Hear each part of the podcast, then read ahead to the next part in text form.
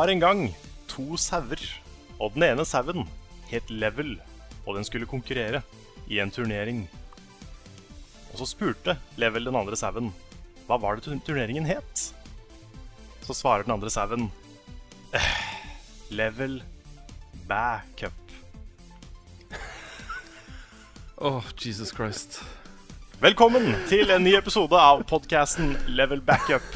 Mitt navn er Karl Martin Roksnes, og med meg har jeg som vanlig Rune Fjell-Olsen og Lars Håkon Stormbakken. Du er klar for barn altså, Carl. Ja, Det der er, jeg er jo verre, det. er verre enn vitsene mine. Ja, men det, det er Ja. Jeg, jeg, jeg er stolt av uh, dad joke-potensialet mitt. Ja, det Ja. er fantastisk. Altså, jeg syns vi, det var eh, morsomt, ja. Ja, altså, jeg var litt, jeg var litt fornøyd. ja. Men uh, skal vi ta det, det mest åpenbare først uh, i dag? At vi ikke sitter på, på vanlig måte. Yes. Nei, jeg sitter liksom med beinet litt i sånn rart kors, som jeg ikke har sittet før. Eller, å nei, du, Ah, ja. du tenkte at ikke vi var i samme rom? Ja. Ja. det, det, var, det var litt det jeg tenkte på. Men jeg, for så vidt, jeg sitter, og, sitter og promper på stolen min hjemme i leiligheten. Ja, jeg er naken, og så er jeg på sånne lærting Nei da, vi eh, Jeg tror det holder. Ja, ja, ok, ja. Crazy edition, dette her, da. Ja. Um, Nei, vi sitter hver for oss. Vi er ikke samla i samme rom denne gangen her. Jeg sitter hjemme hos meg, Carl sitter hjemme hos seg, Lars sitter hjemme hos eh, seg. yes. Og det er, ikke, det er nok ikke sånn at det kommer til å bli en trend, men eh, akkurat i dag så, så passa det best å gjøre det sånn, Ja. Yep. rett og slett. Ja, Så det. Ja. sånn Skal er vi bare, noen ganger. skal vi bare fyre i gang med hva vi har spilt i det siste, eller? ja, vi må jo det. Ja. Vil eh, du begynne i dag, Rune? Det kan jeg gjøre. Jeg har jo spilt eh, veldig mye rart. Jeg kan ikke si akkurat hva, for jeg vet ikke når, eh, eh, når de nyhetene går ut. Men jeg er jo i juryen på Nordic Game Awards. Så eh, i går så uh, samla da hele juryen seg, minus uh, den svenske representanten som hadde blitt syk og var med via Skype. Uh, vi samla oss i København for å diskutere liksom, de nominerte og finne vinner da, i forskjellige kategorier. Utrolig dårlig deal å drive og møtes på Skype. Ja um, Hun fikk noe, hvert Hvem er, fall gjør, hvem er det som gjør det? Liksom? Ikke sant? Ja, det. det er eh, Um, skikkelig dårlig. Man får ikke gjort noen ting ja. over eh, Skype. Men eh, heldigvis er er vi på Discord, da, så det er Ja, Ja, det er ikke sant. sant? Ikke sant? Mm. Mm. Stor forskjell. Mm. Men det er interessant også. Det er interessant å sitte og diskutere eh, nordiske toppspill opp mot hverandre. Fordi det er jo ganske stor spennvidde også innenfor kategoriene. ikke sant? Når man skal diskutere hva er, hva er eh, bra art direction i et spill. Er det basert på teknologi, eller er det andre kvaliteter man skal fremheve? Eh, hvordan setter man liksom et nydelig indiespill opp mot et uh, triple A blockbuster uh, gigaspill med verdens beste grafikkmotor og sånne ting. Så det, er, det, var, det var veldig interessant. Mm. Så det har liksom det er, Jeg syns det er vanskelig. Jeg synes det er uh, jeg, jeg føler det presset på å prøve å finne riktige vinnere. Um, jeg har jo selvfølgelig vært ganske subjektiv. Altså, jeg har jo jeg har jo kjempa min sak, liksom. Mine mm, preferanser. Eh, ellers så er det ikke noe vits å sitte i en jury, på en måte. Men uh, man har jo lyst til å treffe, treffe greit, da. At man velger uh, vinnere som fortjener å få det. Ja. Er det har du lov å si hvor mange spill du har prøvd nå, eller er det bare Nei, jeg har jo testa de sånn jevnt over nå og da. Um, og jeg må, Ok. må innrømme at mange av disse spillene er jo ikke min sjanger i det hele tatt. Så det er ikke sånn at jeg sitter og runder alle disse spillene. Så jeg har måttet gjøre en vurdering som kanskje ehm, jeg kunne jeg, hvis, hvis jeg skulle gjort dette liksom 100% eh, sånn som man bør gjøre det, så hadde jeg jo sittet uh, nonstop i tre uker og spilt alle spillene som er nominert gjennom. ikke sant? Det sier seg selv at det går ikke. Nei. Så ehm, ja. Ja, men du har vel gjort en kvalifisert uh, Hva skal jeg si gjetting, basert på din uh, 40 pluss minus uh, års erfaring med spill. Det er sånn det må bli, og særlig når det da er snakk om spill som ikke er i min sjanger. ikke sant? Da må jeg prøve, Ja. å, da må jeg prøve å løfte blikket litt. og det er Farlig å si det, men prøve å være litt objektiv. Uh, prøve å se det liksom fra riktig synsvinkel. Eh, det, er, jo- det er ikke noen god grunn å, å si at et spill ikke fortjener å vinne en, i en sjanger fordi jeg ikke liker sjangeren. ikke sant? Nei, det er Så. I en sannsetting, da.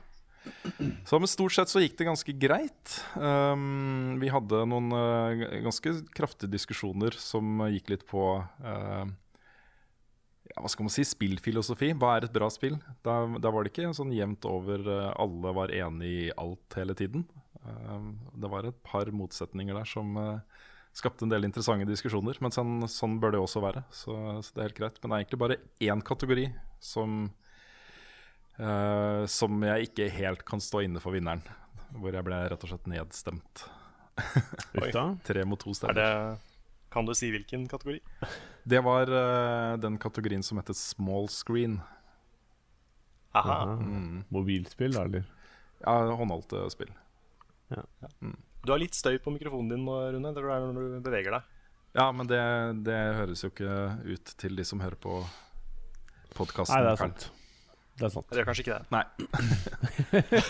Nei, greit. Jeg tror det går fint. Ja, Vi sitter jo her da med headset eh, og Skype, pluss da mm. egne mikrofoner og egne opptak eh, av hver vår ja. stemme.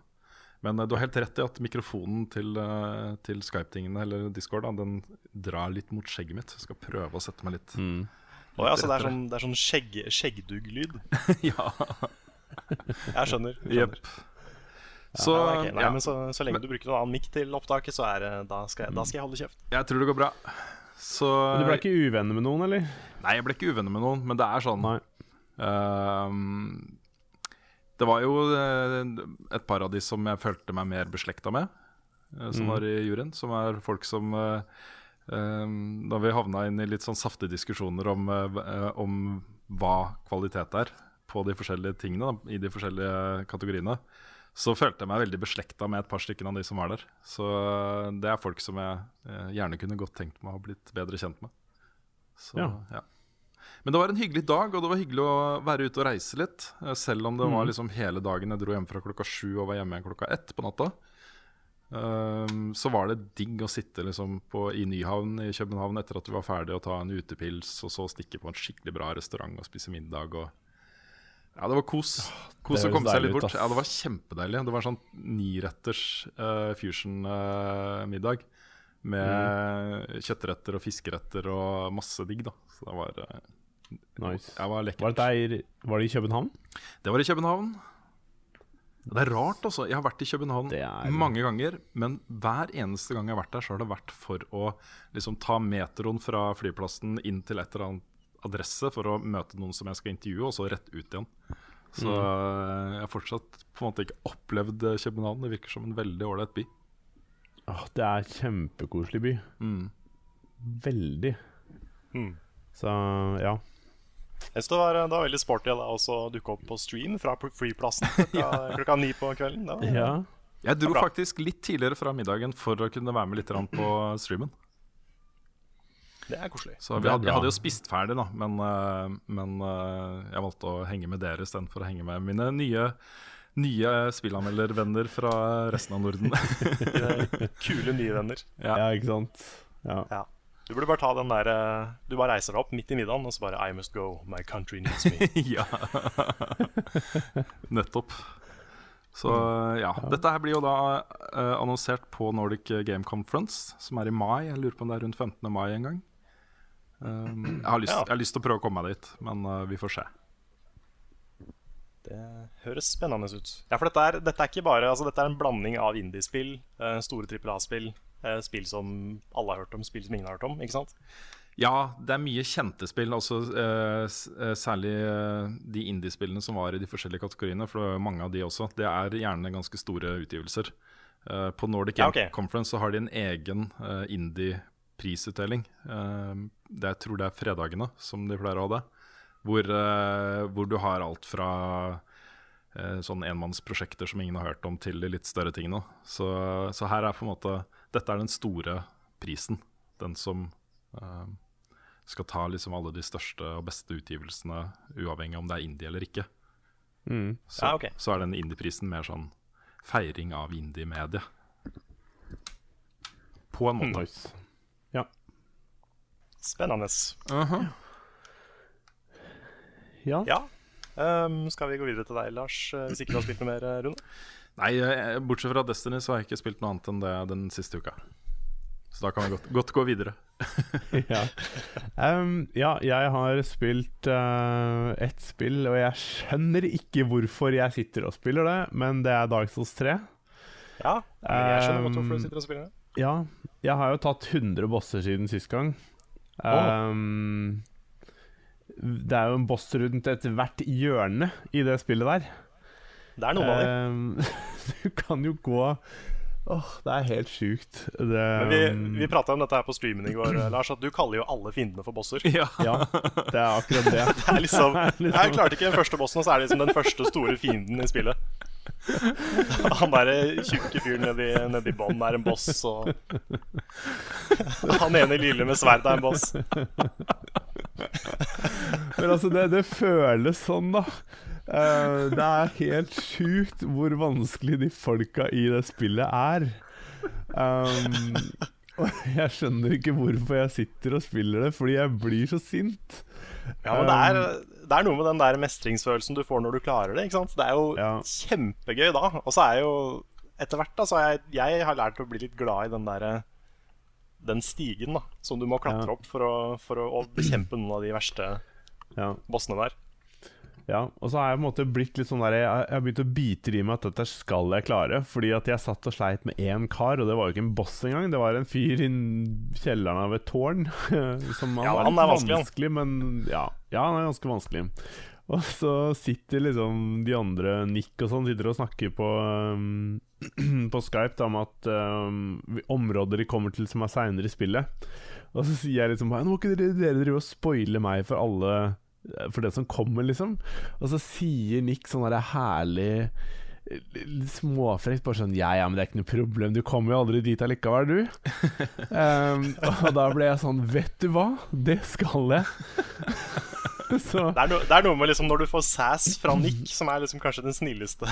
jeg vet.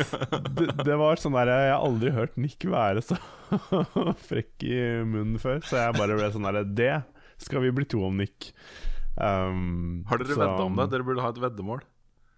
Ja, vi burde jo egentlig hatt det, men det har vi ikke, da. Men um, ja. Nei, Nei, Vi altså prater jo det- om å Ja. Ja, sorry. Nei, nei altså um, Vi um, Hva skal jeg si Det er jo Jeg har jo ikke kommet noe særlig langt i det spillet uh, siden, siden sist. Jeg har kommer jo bare babysteps hele tiden framover, ikke sant. Så jeg skulle gjerne hatt en counter på hvor mange ganger jeg hadde dødd sånn totalt. Vet du hva, Dette her hadde vært en veldig bra sånn der, um, comic strip hvis noen hadde tegna uh, Tegna deg som sitter og spiller uh, Dark Souls. Det kunne Ja. blitt en lang og fin serie altså med, med ting du opplever i det spillet. Ja, det kunne ja, det også prata vi litt om i går. Det at uh, Ja. det du burde gjort, Lars, er å ta opp lyd av deg sjøl mens du spiller, og så lager noen animasjonsfilmer ut av lyden. Åh, ja. Du, du, kom, det kommer noen fine sånne gloser fra deg. Altså. Ja. Altså, det er jo morsomme ting i det spillet der. Um, sånn som i går, så ble jeg angrepet av en søppelsekk. Uh, mens jeg skulle ta en Mens jeg skulle ta en eh, En kjempe Det er, jo, det, er jo, det er jo ikke en søppelsekk, men jeg skjønner hva du mener. Ja, men Det er sånn det ser ut for meg. Og når jeg hadde drept Ja, ja. den søppelsekken, så fant jeg en, en bæsje... Han ga meg en bæsjeklump. Bokstavelig talt. Som reward. Ja, en bæsjepai. Så jeg bare OK, takk skal du ha. Det er liksom um, Ja. Så um, det spillet har sine sider, altså. Har det. Um, Men, det eh. Jeg kjenner at har jeg faktisk Jeg har mer lyst til å høre om Lars uh, fortelle om sin opplevelse av det spillet, enn å faktisk spille det selv. Sånn føles det Ja. Jeg har, jeg har veldig lyst til at du skal spille det. da Ja, nei, jeg skal spille det. Jeg, jeg lover. Eh, om det så blir på gamlehjemmet en gang, så skal jeg spille det. ja, vi, får, vi får lure deg opp hit på en stream en gang, og så bare skru det av. Jeg har veldig eh, lyst til å se om du, hvordan du reagerer på ting der. Altså, for at jeg, jeg er ikke så veldig rage-modus, egentlig, men jeg blir det av de spillene der. Åh, jeg har så kort lunte på sånne ting. vet Det kommer til Ja. å bli uh, stygt. Det blir, eh, det blir gøy. Men vi har jo vi har prata om å ha en sånn eh, liten eh, mini-Let's Play-serie på kanalen. Mm. Fordi vi hadde jo en stream for et par uker siden, hvor vi, eller det var vel forrige uke, kanskje? Hvor vi spilte Dark Souls i tre player. Ja. Og vi har vurdert å fortsette på det, bare uten å streame det, men å legge det ut som episoder i en sånn nedkutta Let's Play-type format-ting. da Ja. Ikke dumt. Ikke så dumt. Så vi får, sånn. eh, vi får to episoder ut av den første totimers-streamen, så det blir vel ca. en en timinutters episode per time med gameplay, tenker jeg. Mm. Men Ja. bare liksom det høydepunktet fra ting vi opplever i coop. Høres eh, sweet ut. Tror det kunne vært gøy. Jeg håper folk eh, har lyst til å se det. Gjerne, gjerne gi litt feedback på om det er interessant eller ikke. For det Ja.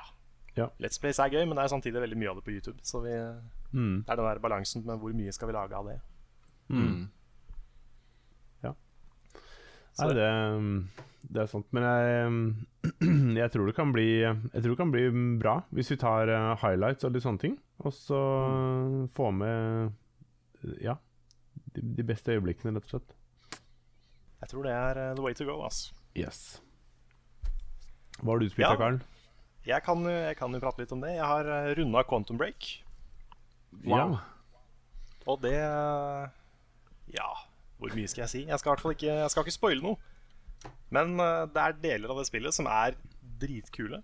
Og så er det en del ting som jeg har litt problemer med. Jeg, jeg er Så- veldig frekk hvis jeg, hvis jeg spør om du har mulighet til å lage en anmeldelse av det, Karl. Nå har jeg ikke noe opptak, da. Du har ikke opptak. Det har ikke jeg heller, for så vidt. Så Nei. Nei, da må jeg i så fall uh, finne på noe lurt. altså, Men, det, eh, ja, Vi kan snakke om det senere, men uh, uh, kan jeg, jeg kan foreslå at du kan gjøre det på den måten jeg hadde tenkt å gjøre det på. Ja, ok. Ja, det, det, det kan, vi, kan vi prate om. Vi tar det på bakrommet etterpå. Ja. Det gjør vi. Mm. Tar det på kammerset. Yes. Sounds like a plan. Men uh, for, å, for å ta det litt sånn kjapt, da, så uh, føler jeg, i hvert fall personlig, at uh, jeg fikk ikke nok tid med noen av hovedpersonene til at jeg egentlig verken forsto dem eller brydde meg noe særlig om dem. Nei. Og i tillegg så føler jeg at liksom Av alle spill jeg har spilt, så er dette her kanskje det som har kledd minst å være en shooter. OK. For uh, det er noe med liksom den historien de prøver å fortelle, og hvem han hovedpersonen, han Jack Joyce, er. Så syns jeg ikke det passer at du liksom går fra å være en ganske vanlig ung fyr, til å liksom plutselig bli en sånn fyr som løper rundt og gønner ned 5000 soldater. Mm. Og eh, da, da vil jeg heller se liksom litt den der infamous-greia. da At du har mer fokus på de superkreftene han får. Mer fokus på å liksom uskadeliggjøre fiender med det. Jeg føler det passer mye bedre til historien. Det er et veldig godt poeng, Karl. Så jeg vet det- ikke, det, det, det det var en sånn rar disconnect der, da. Ja, for det føles liksom så Jeg har ikke tenkt på det på den måten før, men det føles så på en måte safe å bare gi spillerne masse våpen, fordi det er det de er vant til å bruke i spill, kanskje. Jeg vet ikke. Mm. Ja. Når du har de kreftene, altså- så burde du liksom ha muligheten til å bruke de isteden. Du kan jo det, da, men Ja, for det- ofte i kombinasjon med våpen, ikke sant. Mm. Ja, for det henger ikke helt på greip, syns jeg. ass. Det virker bare som det er der for å gi deg noe å gjøre. Mm. Ja. istedenfor det som kunne vært. For det er noen eh, seksjoner hvor det er, som er litt mer sånn puzzle-plattformbaserte. Hvor du, eh, du har masse tid som eh, glitcher rundt, rundt deg. Og så skal du komme deg gjennom et område som er i ferd med å kollapse, da, for eksempel. Og det er dritkult. Det er kjempegøy, liksom, og det ser utrolig imponerende ut. Det er det, er det beste med spillet, syns jeg. Men det er så lite av det. Mm. Så mer av det, hadde jeg, da hadde jeg digga spillet veldig mye mer. Og så syns jeg hele den TV-serien er litt eh, påtatt, kanskje. Mm. Jeg føler ikke den matcher så bra med Nå kan du spille i en halvtime, så skal du se på en TV-serie en halvtime, og du kan liksom ikke Det er to veldig forskjellige ting da som ikke alltid eh, matcher like bra med hverandre. Mm. Det var litt morsomt. eh, Jeg, jeg ble jo eh, litt kjent med han finske eh, journalisten som var på, på den Nordic Game-greiene i, i går. Eh, og han var jo nysgjerrig på hva vi mente om Quantum Break. Han er jo fra Finland, og Remedy er jo eh, en av Finlands store sønner på spill. Um, Og da snakka vi litt om det med TV-serien at Altså, jeg, jeg, jeg syns den TV-serien eh, For meg virker den som uh, Den dukka opp som en idé på et eller annet møte en eller annen gang for veldig lenge siden i Remedy. Uh, uh, som liksom en mulighet de kunne gjøre. Og så på et eller annet tidspunkt så ble den spikra i stein.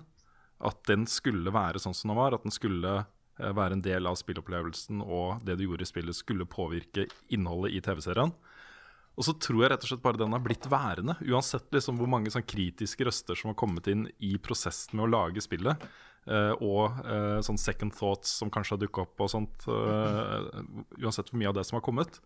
Så har, har den på en måte bare blitt der fordi det ble bestemt at den skulle være der. Ikke nødvendigvis fordi alle mente det var den beste ideen de kunne ha. da Så jeg vet ikke helt.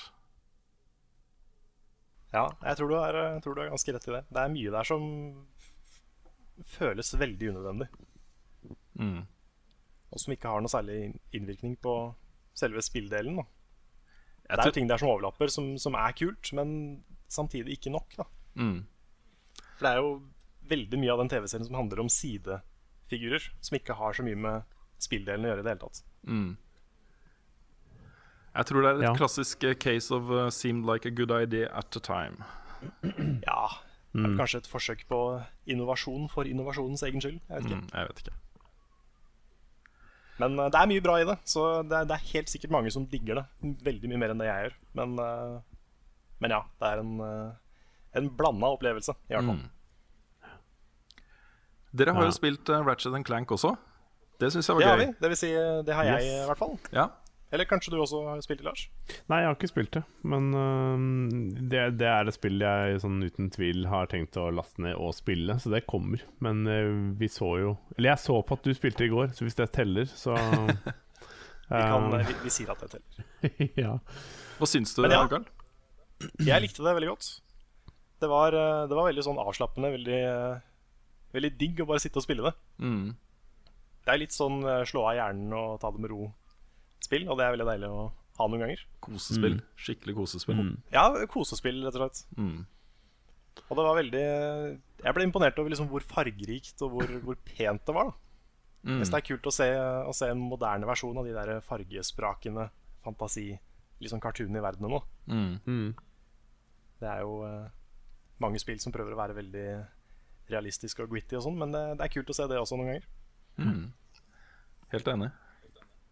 Ja. Um, men jeg har tenkt litt på det i forhold til eh, For jeg har jo veldig savna de gamle Rare-spilla. Det har vært mitt store savn. Så jeg følte ikke dette her var helt det. Jeg følte det var litt mer sånn action uh, Action, skyte, adventure-spill. Mm. Uh, så jeg tenkte litt på, siden i går, liksom det jeg egentlig savner med de. Jeg tror det er den, den greia med at du blir plassert i en verden. Du hopper inn i et maleri eller en, et bilde, et eller annet. da Kommer til en verden, og du har Du vet du har liksom 10 eller 20 hemmeligheter du skal finne. That's it. Mm. Utforsk, liksom. Jeg tror det er det jeg savner mest i, eh, i det. At det, liksom, det er ikke noe lineær vei. Det er bare en verden hvor du skal finne ting. Mm. Det er det jeg savner mest med, med den rare-perioden. Ja, altså originalen av uh, Ratchet Clank, og også for så vidt uh, denne nye versjonen, de har jo gjemt bort sånne gullmuttere um, rundt omkring. De er ganske godt gjemt, noen av dem. Uh, og det er jo en sånn ting Ja. som, som jeg brukte ekstremt mye tid på da jeg spilte det første gang, uh, på begynnelsen av 2000-tallet.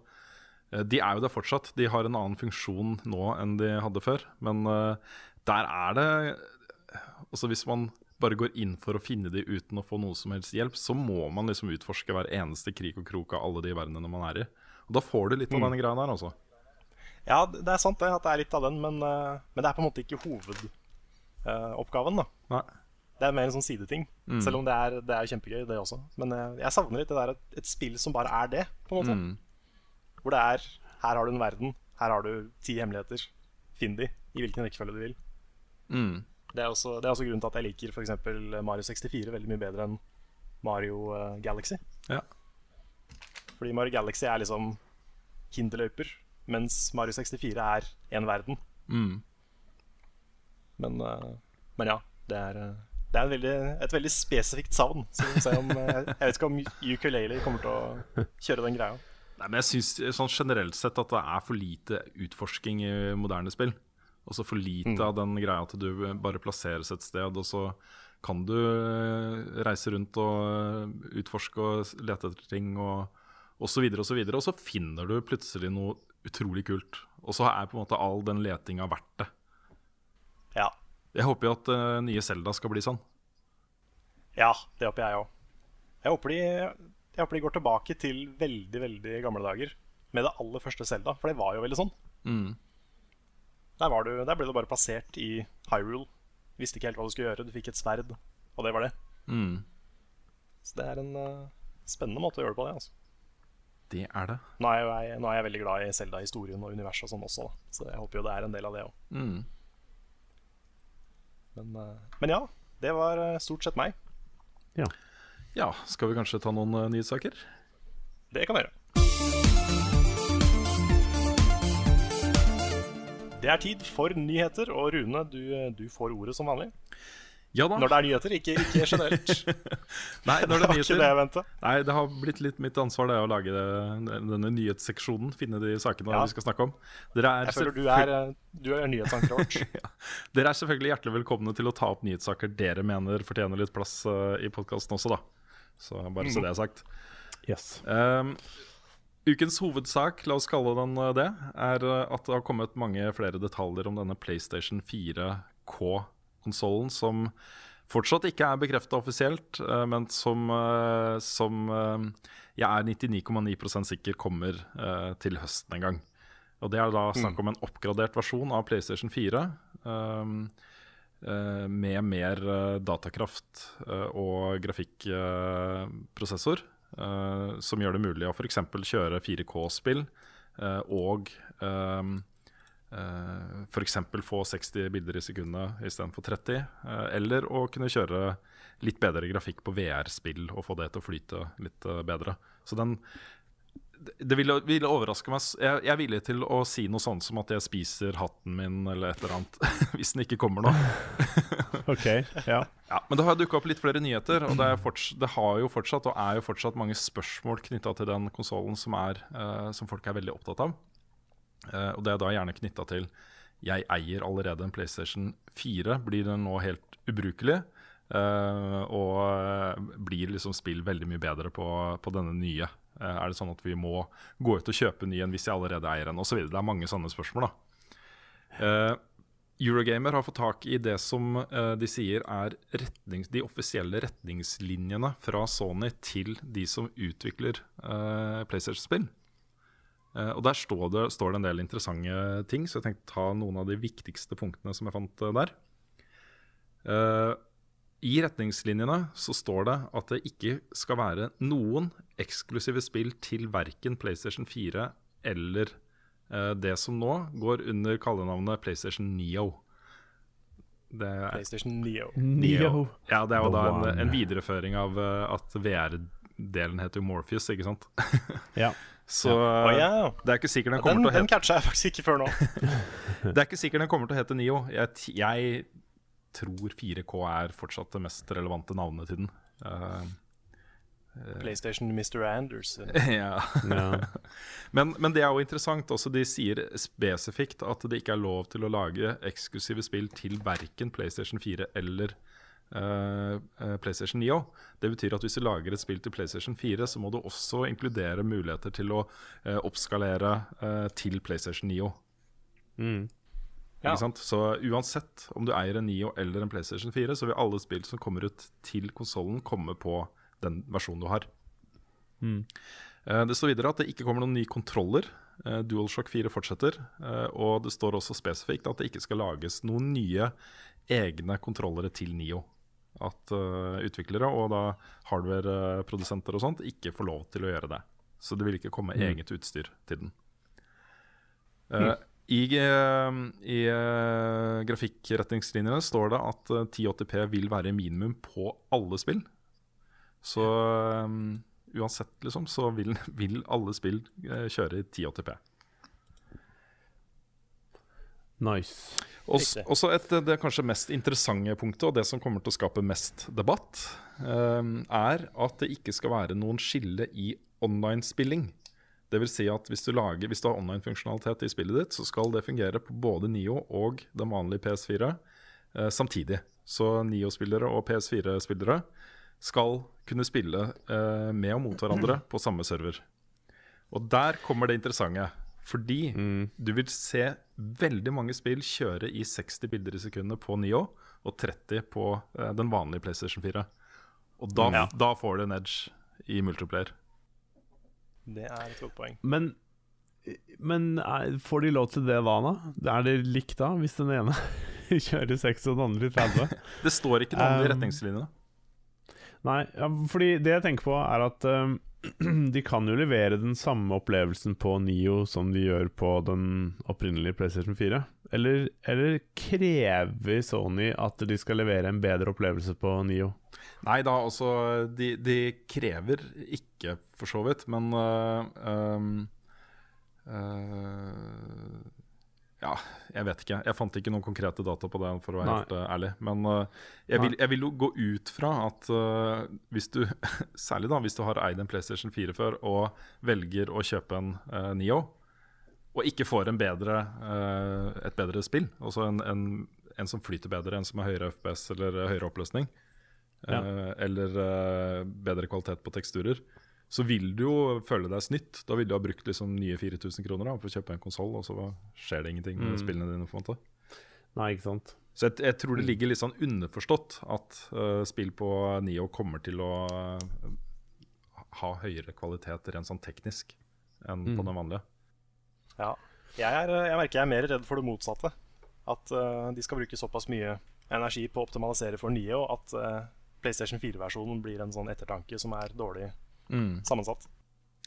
Ja, det er i hvert fall Retningslinjene sier jo at det ikke er lov nå.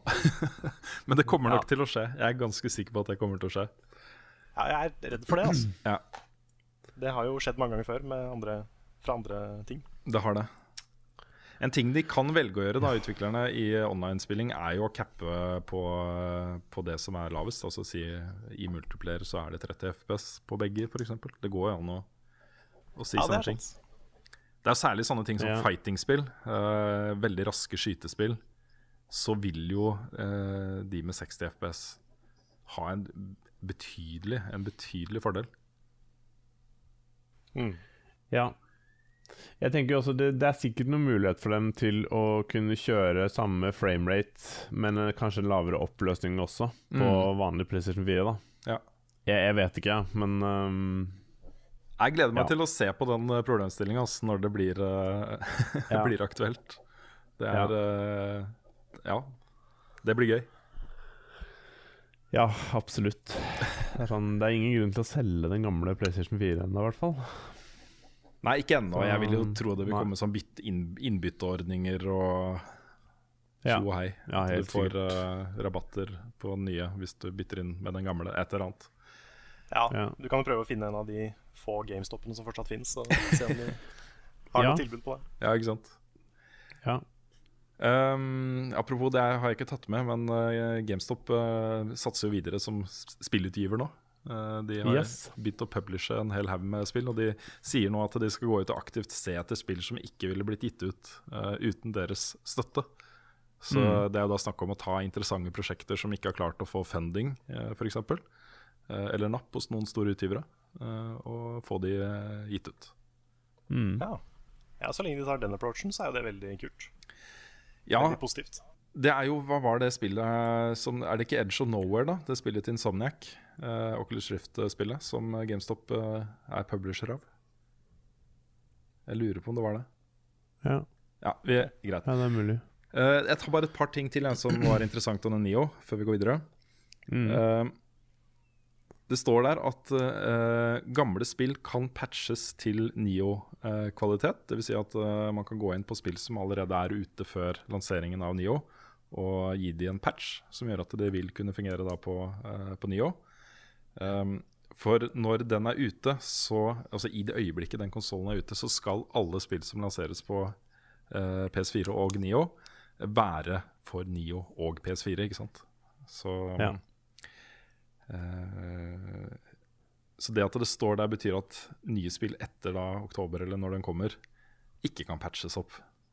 Hvis ikke du har en Nio-versjon klar av spillet ditt i uh, oktober, så kan du ikke gi det ut før du har, før du har det. Riktig. Riktig. Ja. Det, akkurat, akkurat det skal jeg si hvis de, eh, hvis de patcher inn en Bloodborne i 60 frames. da, da må jeg jo kjøpe en ny PlayStation. Ja, ikke sant? Ja. Det, er faktisk, det hadde jeg faktisk betalt for. Den siste tingen jeg har lyst til å nevne, Ja. er at alle, alle um, de fellestingene på PlayStation Network uh, og din egen konsoll, som f.eks. Uh, lagret spilldata, themes, uh, trophies, uh, kommende DLC-innhold osv., det kommer til å være eh, uniformt. Det kommer til å være akkurat det samme på begge plattformer.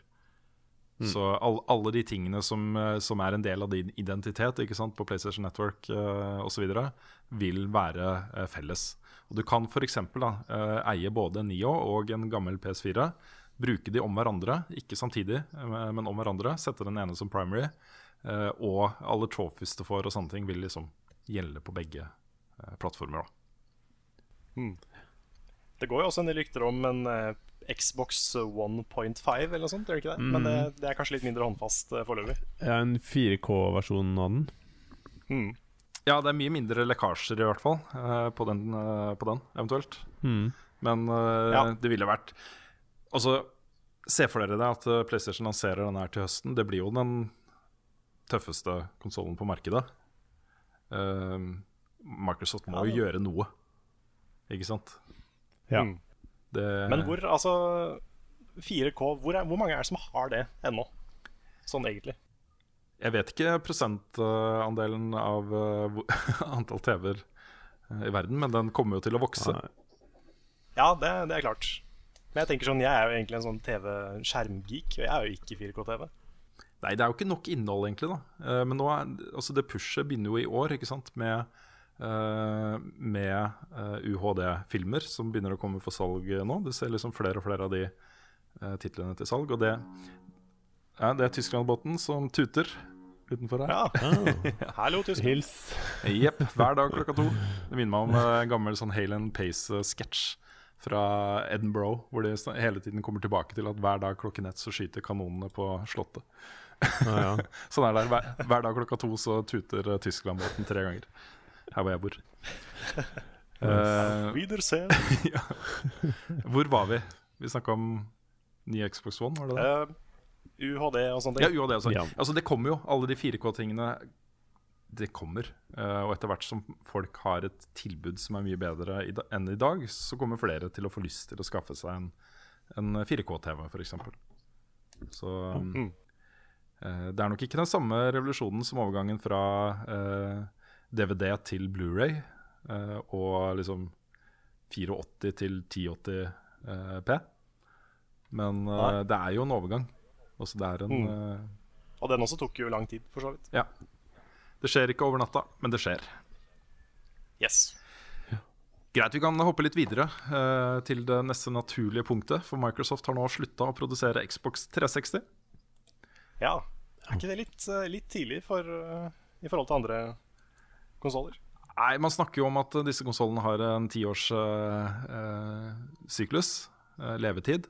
Og Ja, jeg bare mener, jeg bare mener at ikke det er så mange år siden de slutta å produsere PlayStation 2. liksom Ja, den holdt mye lengre fordi den var eh, så mye større. Altså Den uh, har solgt mange flere eksemplarer og hadde et mer aktivt eh, eh, publikum. Så, mm. så de, de fortsetter jo å produsere konsoller til folk slutter å kjøpe dem. Ikke sant? Så det er jo det som har skjedd her. Um, Ja. Og det er jo ti år og fire måneder siden lansering. Eh, det har blitt solgt eh, 78 millioner eksemplarer av den, så den har jo hatt, et, eh, eh, hatt en eh, bra run, vil jeg, vil jeg si. Ja, det skal sies. Ja, altså Xbox 360 har vel vært med å forme liksom uh, spill på Å lede an forrige generasjon av konsoller, kan man vel si at de gjorde. Ja, på mange måter. Fordi, ja. fordi eh, Særlig med Live, Xbox Live, som eh, jo pusha Sony også til å forbedre seg. ikke sant? Mm. Mm. Og så har jo 360 en av de første konsollene som virkelig tok tak i liksom indie-spilla. Med Super Meat Boy og Braid og de der. Ja.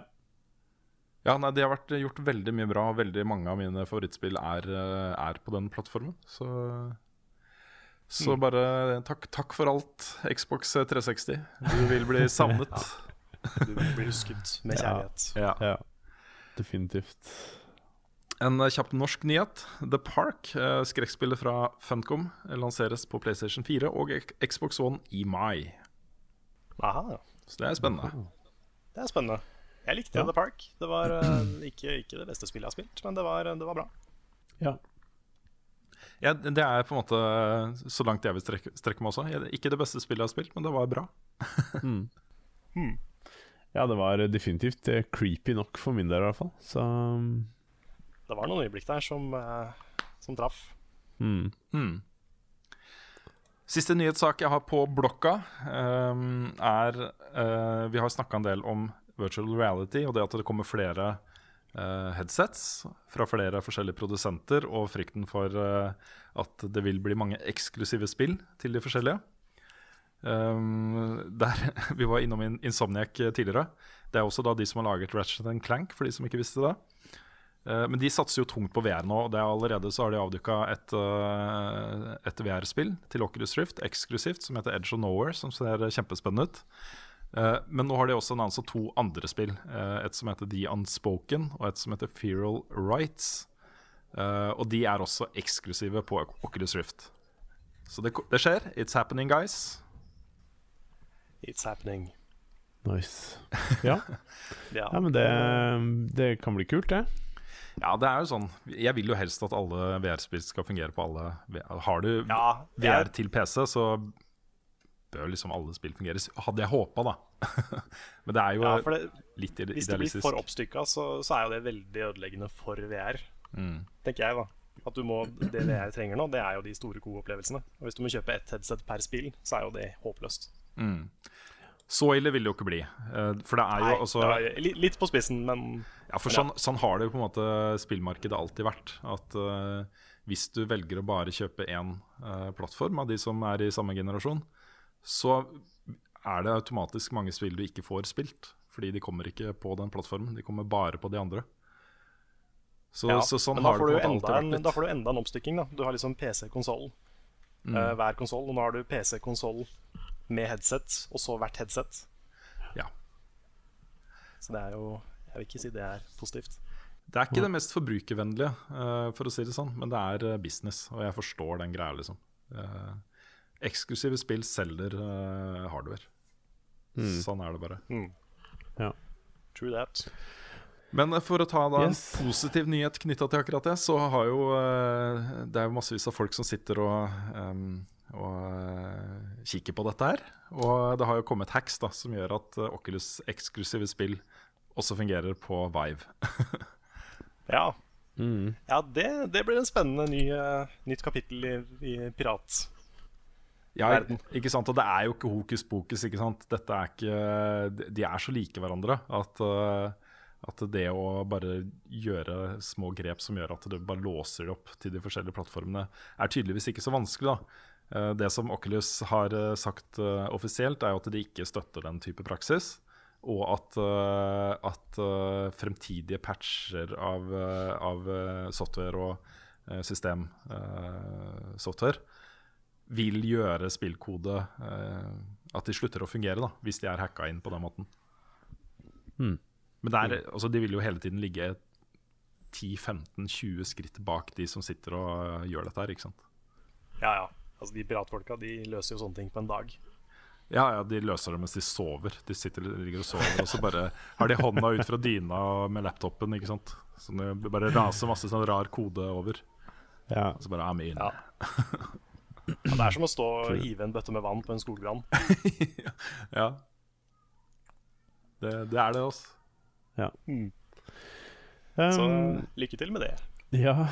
Um, jeg tenkte jeg kunne putte på en sånn mininyhet på slutten, hvis det er Mhm. greit. Det er lov. Ja. Um, fordi jeg leste um, jeg leste på um, IT-avisen i dag, og der uh, var det en uh, interessant greie om et brettspillversjon av Dark Souls. Ja, stemmer. Eh, som eh, ble founda på tre minutter. og har knust det målet betraktelig. Eh, de er vel oppe i noe, i 904 000 pund. Jeg vet ikke hvor mye kroner det er, men en god del. Og de hadde 50 000 som mål, da. Så de har jo Ja. Ja, så er da. Nå gikk Og jeg det, og på ja, og det syns jeg virker litt uh, interessant og, og kult. Jeg lurer på om det kan bli et ganske morsomt spill. Ja, Det kan det dritkult, eh, dritkult laga. Mm. Ser at de har blanda ting fra alle tre spilla og Ja. mye kule figurer og sånne ting. Mm. Det er eh, Det er stas. Ja. Går ut fra at de har fått lisensen og sånne ting. Så eh, by Steamforged Games. Ja ja. Ja. Spennende. ja. Greit. Skal vi svare på noen spørsmål, folkens? Det kan vi gjøre. Det er tid for spørsmål og svar. Skal vi bare hoppe i det? Ja. Vi hopper i det. Ja. Hvem, hvem har et spørsmål? Skal jeg ta mitt, eller vil dere ta først? Ta ditt, du. Jeg tar mitt. Ja. Det var et fint, fint startspørsmål fra Ja. Anders Nikolai Anders Andreas Nikolai Karlsen. Hva var spillet som fikk dere inn i gaming? Mener det var Sonic hos Carl, men vet ikke hos Rune og Lars. Det stemmer for så vidt at det var Sonic 1 for meg. Ja. Det Ja. eh, jeg har jo snakka litt om det før uh, opptil flere ganger. Eh, det første spillet jeg spilte, var jo Pong. Men det var jo på en måte Det var ikke sånn at jeg da gikk ut og bare kjøpte meg alle konsoller som kom, og var helt inne i det med en gang, liksom. Jeg elska Pong, og jeg elska Pacman og alle de spillene jeg spilte opp gjennom 80 80-tallet. Men uh, for min del uh, så tror jeg det kanskje må være uh, faktisk Wipeout, vil jeg si, var det som eh, gjorde meg til en hardcore gamer.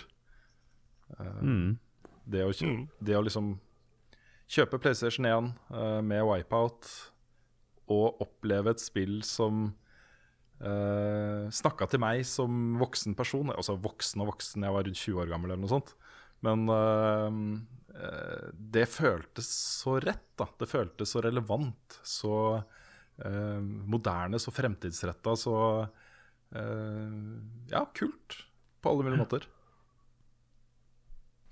Jeg hadde jo spilt masse spill før det, selvfølgelig. Eh, men av en eller annen grunn så eh, var det mer som frittstående enkeltopplevelser.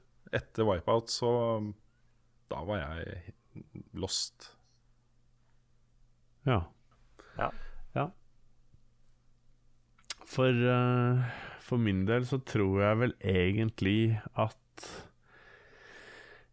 Altså, det, det jeg husker best, var når jeg satte meg ned og spilte Super Mario Brothers for første gang.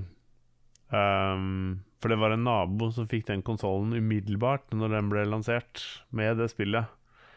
Uh, og vi spilte det og Duck Hunt, for det var jo sånn kombo. Du fikk kjøpt begge deler. Um, og det er det jeg husker best. Men så husker jeg jo etter det at det ble veldig mye Commodore 64 uh, også.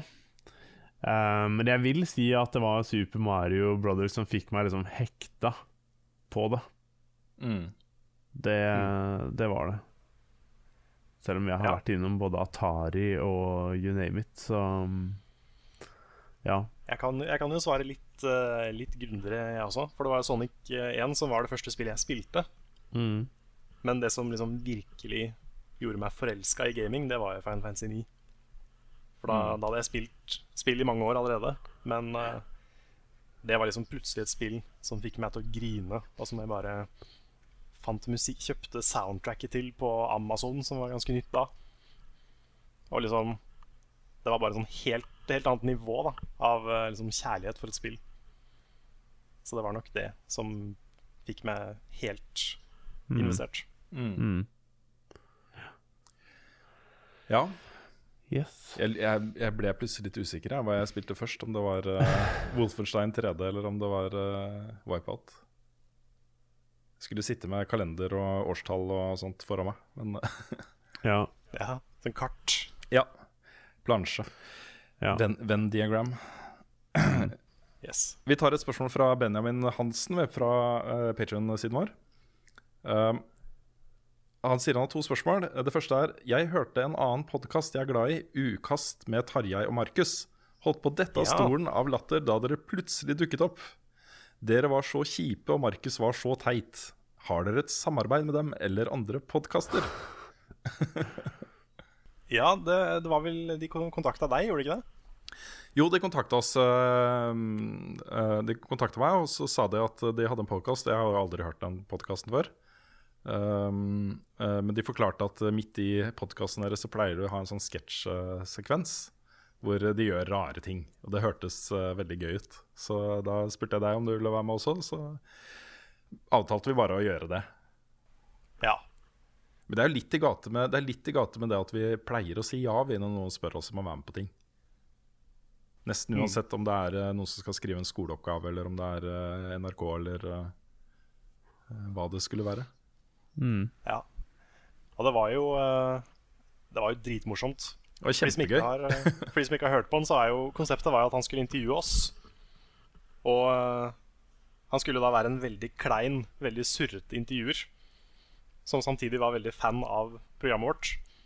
Og vi skulle være da litt, litt sånn der kjipe ovenpå, som hadde dårlig tid og ikke egentlig hadde lyst til å være der. Så det, det var liksom Det var settingen, da. Dette Ja. har ikke jeg fått med meg, så dette må jeg se få hørt på. Ja, Jeg det, synes det ble ganske, det ble ganske morsomt. ja, det ble ganske morsomt. og Han, eh, han stilte jo altså, vi var, det, det starter med at vi er veldig sånn entusiastiske og sånt, fordi vi tror vi er der for at han skal spørre oss om livene våre og uh, tingene vi gjør, og spill og sånne ting. Og så stiller han bare mm. så teitere og teitere spørsmål, og så blir vi surere og surere. det var en Yes. artig opplevelse. Det var gøy.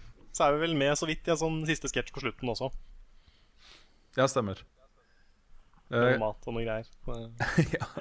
Jeg kan nevne også at jeg er gjest i en podkast som heter Passion for Pixels.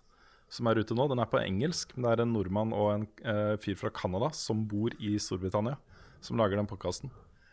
Uh, grunn, jeg ikke. grunnen til at jeg ikke har tuta mitt eget horn så veldig mye på den, er at eh, eh, den handler liksom mye om meg. De spør meg mye om mine opplevelser opp gjennom åra som spilljournalist og sånne ting. Eh, og så er den på engelsk, så jeg har liksom ikke pusha den noe særlig. Men eh, for de veldig spesielt interesserte så kan det jo være noe verdt å søke opp. Mm. Kanskje. Spennende. Mm, og så skal jeg være gjest på en annen av mine favorittpodkaster i kveld. Saft og Svele. Stemmer. Det Ja. gleder jeg meg til. Sånn uh, Apropos eh, det, så har jo Vegard Aase Ruud spurt uh, Saft eller Svele. så Jeg vet ikke om du har noe svar? Ja, jeg jeg er ikke noe saftdrikker, men jeg er glad i sveler. Ja. Jeg er glad i gode sveler. Jeg har, jeg har spist så mange sveler som det har vært altfor mye sukker i. Ah, ja. Da er det ikke noe godt. Skal jeg fortelle noe radikalt? Kjør på. Jeg har aldri spist en svele i hele mitt liv. What?! uh, og jeg har heller ikke drukket saft. Nei, det er løgn. Men, uh, men svele har jeg faktisk aldri uh, spist. Jeg har spist liksom amerikanske pannekaker, og jeg tenker at det er det nærmeste jeg kan komme svele. Det er ikke helt det samme. Men Nei, ikke sant? Nei, Men, det har jeg faktisk ikke. det som er litt morsomt med svele, er at hvis ikke du har vært på Vestlandet, så Ja. er det ganske stor sannsynlighet for at ikke du vet det eksisterer. Ja. For ja, det I er Norge liksom- så vet man det vel. Nei, jeg vet ikke. Jeg visste ikke om svele før jeg var på Vestlandet uh, i godt voksen alder. Nei, jeg ble liksom kjent med det pga. den derre julekalenderen som gikk en gang i tiden. Hmm. Julefergo, var det det? Jeg- Ja. Jeg tror ikke jeg har sett denne. Nei, julefergo. Det, der solgte de sveler. Um, ja. Nei, det er en sånn Det var, kom etter The Julekalender en gang, eller et eller annet sånt noe. Det Mm. er med disse her uh, The Brass Brothers som hadde Ja, noe greier. Ja, samme det. God stund siden det kom. Mm. Men det var da jeg fikk eh, høre om det. Men uh, ja. Uansett, jeg kan ta et annet spørsmål også, og det er fra to stykker. Fordi Mats Oliver Væromoen Berg har spurt om vi har noen forhåpninger til No Man's Sky, om det klarer å leve opp til eh, sitt evige univers, uh, eller om det kommer til å bli repetitivt. Og så er det Ola Galåsen Møller som har spurt om vi har sett den 15 minutter lange videoen som PlayStation la ut på kanalen sin om No Man's Sky, hvor de viser spillet. Eh, og Du får se og høre hvordan ting fungerer og sånn. Og han sier at han uh, ble litt overveldet over størrelsen på slutten av videoen, og hva vi syns. Jeg har ikke sett den videoen. Nei. Nei, hvis den er ny, så har jeg ikke sett den. nei. Kom et Den par dager er siden, tror jeg. eh, Ja, den kom ut for et par dager siden. Jeg har uh, uh, sett den så vidt, men uh, min entusiasme for det spillet er jo ikke så stort. Jeg veit ikke hvorfor, men jeg, jeg blir ikke intrigued jeg, av det spillet, eh, faktisk. Så Jeg vet det! Jeg vet det! Jeg tror for meg, jeg, jeg befinner meg et sted mellom dere to, fordi jeg er veldig nysgjerrig. Ja, Jeg er veldig nysgjerrig på det, ja. men, uh, men jeg har ikke helt fått tak på hva det er. Altså, jeg, jeg vet jo hva det er ut ifra det de har presentert, Mm. men jeg, jeg vet ennå ikke nok da om hva det er jeg skal gjøre i den verden Ja. til, eh, til å liksom helt få tak på det. Men jeg er veldig nysgjerrig. Mm. Altså Det første spørsmålet der, uh, han som sa at han var redd for at det kunne bli for repetitivt, det er jo min frykt også. Uh, jeg er forberedt på at, uh, at det kan oppleves sånn. Men jeg, har liksom, jeg, jeg føler at jeg har sett nok av det spillet til å vite at dette skal jeg kaste meg ut i med en gang jeg får muligheten til å gjøre det. Og så vil jeg ikke vite noe særlig mer nå. Jeg vil bare oppleve det på egen hånd, egentlig. Så um, jeg, jeg har Det bobler litt i magen, på en måte. Det er ikke mer enn en par måneder til det kommer. Under to måneder til det lanseres. Mm. Og det, det er eh, Ja, jeg, det ligger der hele tiden i bakhodet mitt og er sånn det neste store spillet jeg gleder meg til å teste. Selv om det kommer jo andre ting i, i mellomtiden som jeg også gleder meg veldig til, selvfølgelig. Så er No Man's Sky, i teorien i hvert fall, eh, litt nærme et sånn type drømmespill for meg, egentlig. Så ja. Ja, litt, litt apropos så har vi et spørsmål fra Daniel Kristiansen. Hvilke spill ser dere mest fram til i 2016 som er annonsert? ja. Jeg, jeg vet hva svaret mitt er. Det er kanskje litt kjedelig, men uh, altså Utover de spillene som allerede har kommet, som jeg har hatt fantastiske opplevelser med, uh, spesielt to av de, uh, Firewatch og eh, The Witness, så er det Uncharted for min del. Mm. Ja, jeg tror jeg må si akkurat nå, siden Dark Souls har kommet, Mm. så er det Så er det enten Final Fantasy 15 eller eh, Eller Persona 5, hvis det fortsatt kommer i år. Mm. Uh, nei, det er nok muligens No Man's Sky, men uh, det er så jevnt mellom en tre-fire spill der at jeg må benytte anledningen til å uh, si flere spill, jeg. er det Ja. lov? Ja, er kjør på. The Last Guardian må med. Um, Dishonored 2 må med. Um, ja, kanskje Overwatch. Hmm. Ja, Ja, så hvis man begynner sånn, så er det jo liksom Så er jeg jo helt enig. Det er jo liksom Du kan jo nevne så mange spill, ikke sant? Ja. Men uh, ja. Nei, det er nok No. Man's Sky er nok det jeg sånn, Hvis jeg bare skal kjenne på følelsene mine, så er det nok det jeg gleder meg mest til. Men uh, jeg tror det her blir et sabla bra spillår, rett og slett. ja. Plutselig så Ja, kommer Red Dead Redemption 2 òg, ikke sant? Til høsten. Å, gud. det hadde vært så kult. Dere har sett det kartet som er lekka? Yes, det Ja. har jeg sett. Det var Ja, stort! det ble, ja, det blir sagt at uh, antageligvis ligger historien lagt til før Red, Red Redemption 1, da, på en måte. Veldig glad for det, altså, fordi det, Ja. det er mer vilt. Ja, ikke sant? Det som skjer etter Red Dead Redemption 2, er jo sivilisasjonen, ikke sant? Ja, Eh, Jeg syns det er kult at det går tilbake. ja Ja, det blir, eh, blir spennende å se. Jeg eh, gleder meg i hvert fall hvis det kommer et sånt type spill. Åh. Kan jeg bare få si noe om, om, om eneren? For det er så mange som har spilt det spillet, og så kommer de til slutten, og så oppdager de ikke den egentlige slutten. Er det sant? Yes, fordi de, de kommer tilbake, og han kommer tilbake til Jeg spoiler litt, men kom, for det er så gammelt spill nå at det kommer tilbake til Ra- Rain, det, det, ranchen sin og tjo og hei, og så er det liksom Og så tror folk at det på en måte er slutten, og så Ja, Ja. Vi, jeg, jeg tror ikke vi skal si noe mer om det, fordi eh, Nei. Det jeg tipper, da uh, Red Dead Redemption, Red Dead Redemption Row ja. kommer til å komme ut enten eh, samtidig med, eller eh, eh, omtrent samtidig med uh, en eh, remastered versjon av Red Dead Redemption 1. Så jeg tror det er mange som kommer Ja. til å spille det på nytt, eller for Ja. første gang Mm. snart. Mm. det er et godt poeng. Gud, det er bra spill, ass. ja. Yes. Ja, jeg tar et spørsmål her fra uh, Ove Person på Patron. Ja. det er til deg, Carl. Han skriver at han er nesten, nesten ferdig med Dark Souls 1 og vurderer kanskje etter hvert å ta opp et, av de, eh, et til av de i serien. Det har blitt så mange. Hvilket anbefaler du, og hvorfor? Er du enig i det mange sier at toeren ikke er bra nok til å plukke opp? PS. Jeg har ikke PlayStation, bare PC, så Bloodborne er litt vanskelig slash en stor investering. Ok. Ja, altså jeg hadde jo eh, Hvis ikke det var for det siste, så hadde jeg tenkt å si Bloodborne. Fordi eh, det er mitt favorittspill i serien. Men eh, jeg er ikke enig i det noen sier om Dark Souls 2. Jeg syns det fortsatt er et veldig veldig, veldig bra spill. Det var jo, det var jo faktisk mitt årets spill i 2014. Eh, så det er, det er kjempebra. Det det mangler, er jo den visjonen til han uh, hovedregissøren, som heter uh, Hva heter han? Miyazaki, et eller annet. Han, Ja. han har jo vært, vært leder for alle de andre spillene, bortsett fra det. Og du merker litt at han er borte, fordi litt av historien, litt av eh, Litt, litt av den Dark Souls-følelsen er litt borte i Dark Souls 2. Men, eh, men likevel altså, er det et kjempebra spill, så jeg vil anbefale å spille det. Men hvis du Hvis du hopper over ett av de, så kan du hoppe over Dark Souls 2. Fordi Dark Souls 1 og 3 er veldig knytta sammen. Nå har jeg lyst til å gi deg et ultimatum her, fordi det er William Johansen Bø har spurt et spørsmål til deg, Carl. Uh, Ok. Hvis du måtte velge å ta bort Dark Souls-serien eller Final Fantasy-serien, hvilken hadde du valgt? Og bare, bare si et svar uten å utdype det. Nei. Jo, jo, jo, jo. jo. Jo, kom igjen. Ja, da, da, da blir det Dark Souls, men det er, det er fordi Final Fantasy er ja, ok, Vi tar neste spørsmål nå. Ja, Vi tar et, vi tar et fra Alf Inge Wang.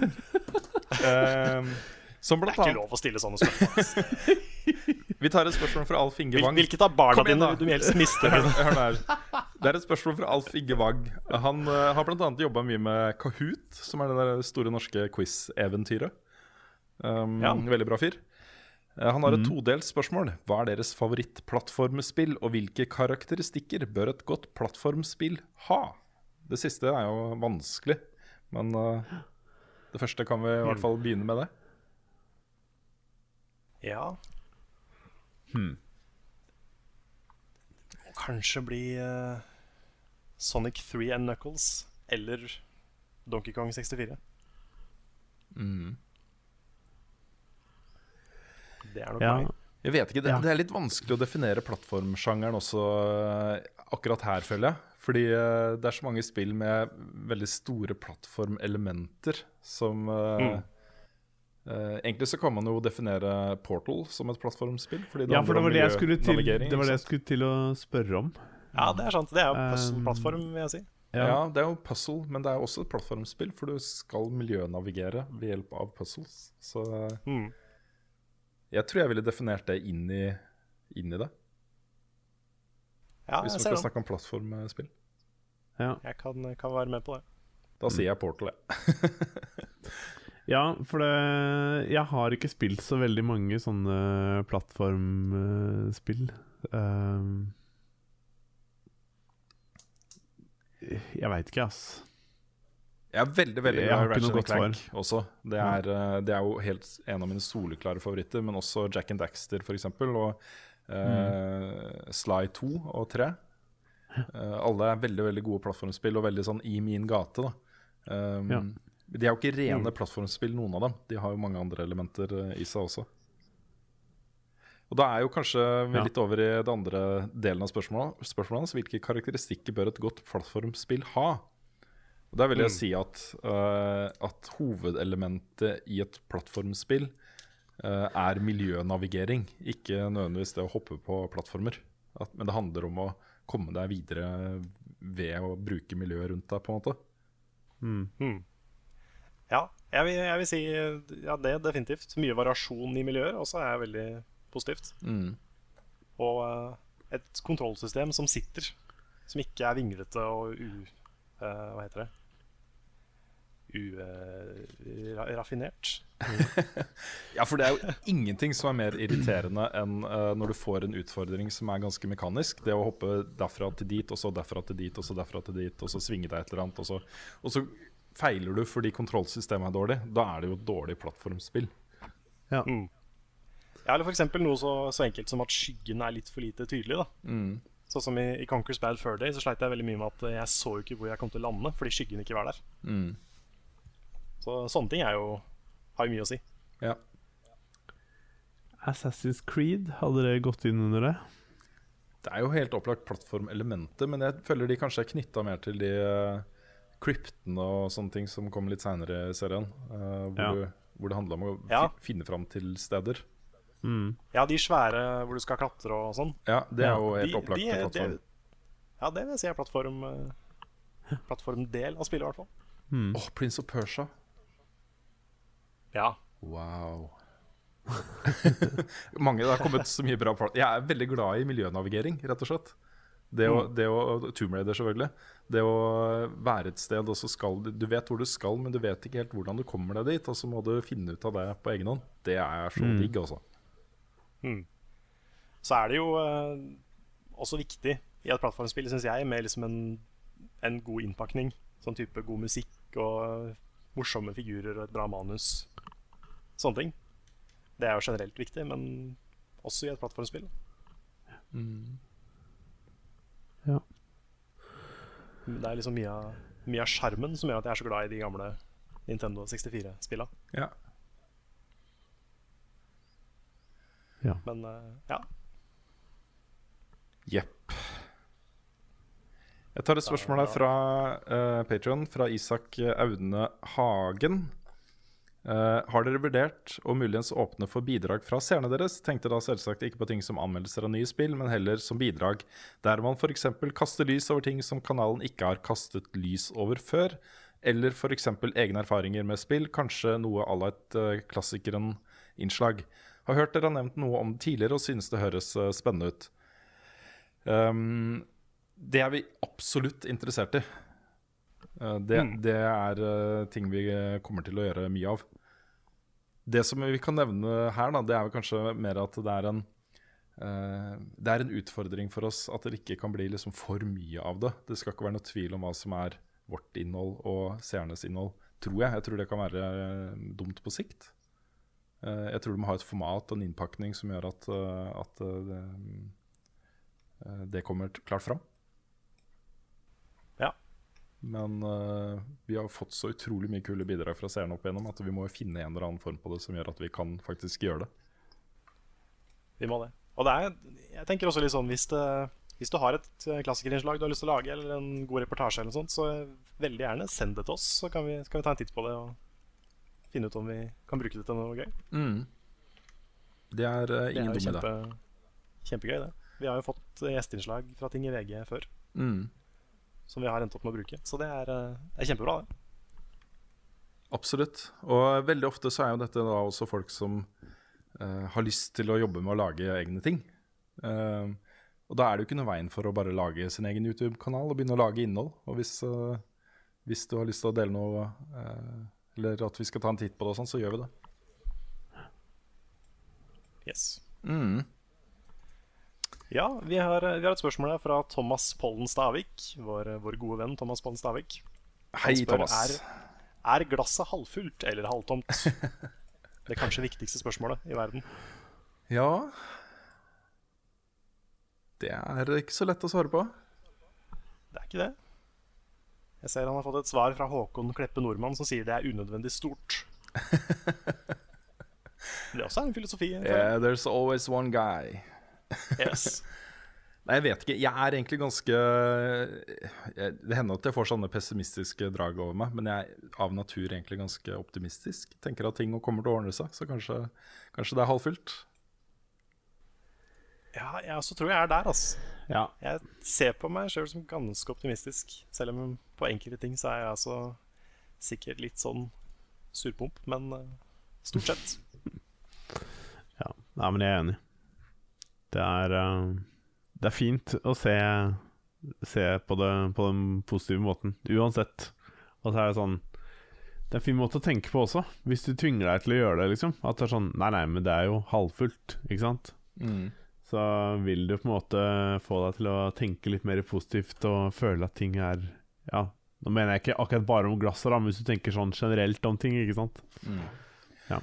Jeg tror også alle mennesker eh, har perioder hvor eh, det glasset definitivt ikke bare er halvtomt, men eh, begynner å nærme seg bunnen av, bunnen av glasset. Uh, hvor man Ja. går inn i sånne negative sykluser som, eh, som er ganske sånn selvdestruktive. da. Jeg tror det er ganske vanlig at folk har den type ting av og til. Selv folk som har det generelt bra, ikke sant. Så Absolutt. det er ikke sånn at alt er fint og flott hele tiden uh, for alle. Nei. Det er sant. Mange av oss har jo en eh, hvert fall noen av oss har en litt sånn bakgrunn som fjortis-emo, f.eks. ja. Som ble det godt inn i 20-åra for min del, i hvert fall. Lang, langt ut i 20-åra. Ja. Sjæl. Ja. Jeg, hadde, Jeg tror på tidlig, tidlig på ungdomsskolen Så hadde jeg en periode hvor jeg nesten ikke klarte å snakke med folk uten at det var om noe negativt. Ja. Så det var, det var ganske ille. Jeg, jeg vokste ut av den ganske fort, heldigvis. ja, det er bra. Ja. Altså, jeg lærte en gang at um, For at du skal kunne oppleve gleden og tjohei, så må du ha det skikkelig kjipt, Mm. eh, på en måte. Og for da er det sånn Når du da får et, en topp, eller når ting blir bra, så føler du så sykt på at det er, at det er bra, da. Og, det, og du opplever det som bra fordi du også har hatt det kjipt. Hvis du går gjennom livet og bare har det dritbra hele tiden, så ja, vet du jo egentlig ikke hva du Eller føler ordentlig på hva du opplever, da. Jeg stoler Jeg ikke på ikke. sånne folk. Nei, det, men det er noe Nei. i det. ass Ja. Folk som bare har liksom levd et liv på dansa på roser. Det, Mm. det er noe rart med det. Mm. Ja. Ah, det var noe jeg skulle si da. Hva var det igjen? Jo, det er jo derfor jeg også elsker at vi bor i Norge. Hvor vi har liksom mørke vintre og Ting er kjipt, liksom. Du går rundt og går i slafs og snø og vind og bare Ja. er liksom sint på livet og sint på Norge og på været og på alt, liksom. Og så kommer våren, og så blir alt bare kjempebra. ja.